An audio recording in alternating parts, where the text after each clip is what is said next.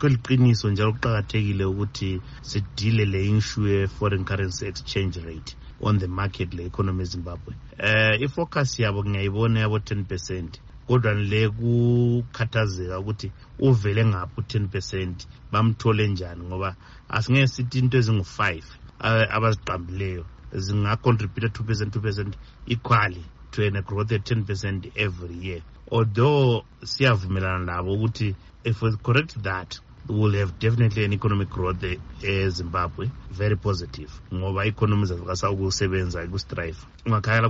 kwezokulima eh, we have challenges like now izimbabwe is an agro driven economy and now it will have serious pressures given the effect of the drought. Farmers will not be able to pay back their loans. They will not be able to pay to, to go back into the field next year. They'll need to be helped. And some of these mitigation efforts, eziyabe eh, zenziwa nguhulumende ukubanceda ukuthi babuyele yizo zikhoza ama-challenges as well. in terms of managing it debt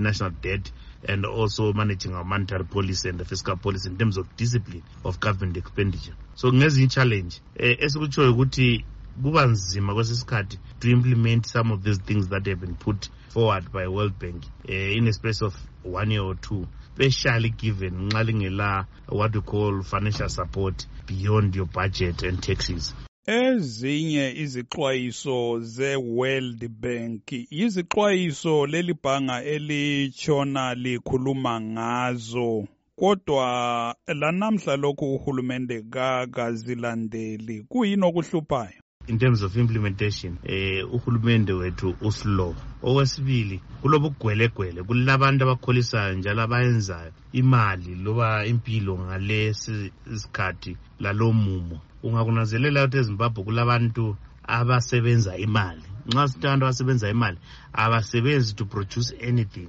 abasebenzi to provide any services but basebenza imali playing around exchange rate arbitrage nxa sithi arbitrage sikhala ukuthi uhulumende uthi redi yile kodwa nxa usiyathenga phandle iredi liya okuyigap kokana yikho kuthiwa yi-arbitrage kulabantu abaphila ngakho abalesifiso njalo abakhangele ukuthi kube into yenzakala nsuku ngensuku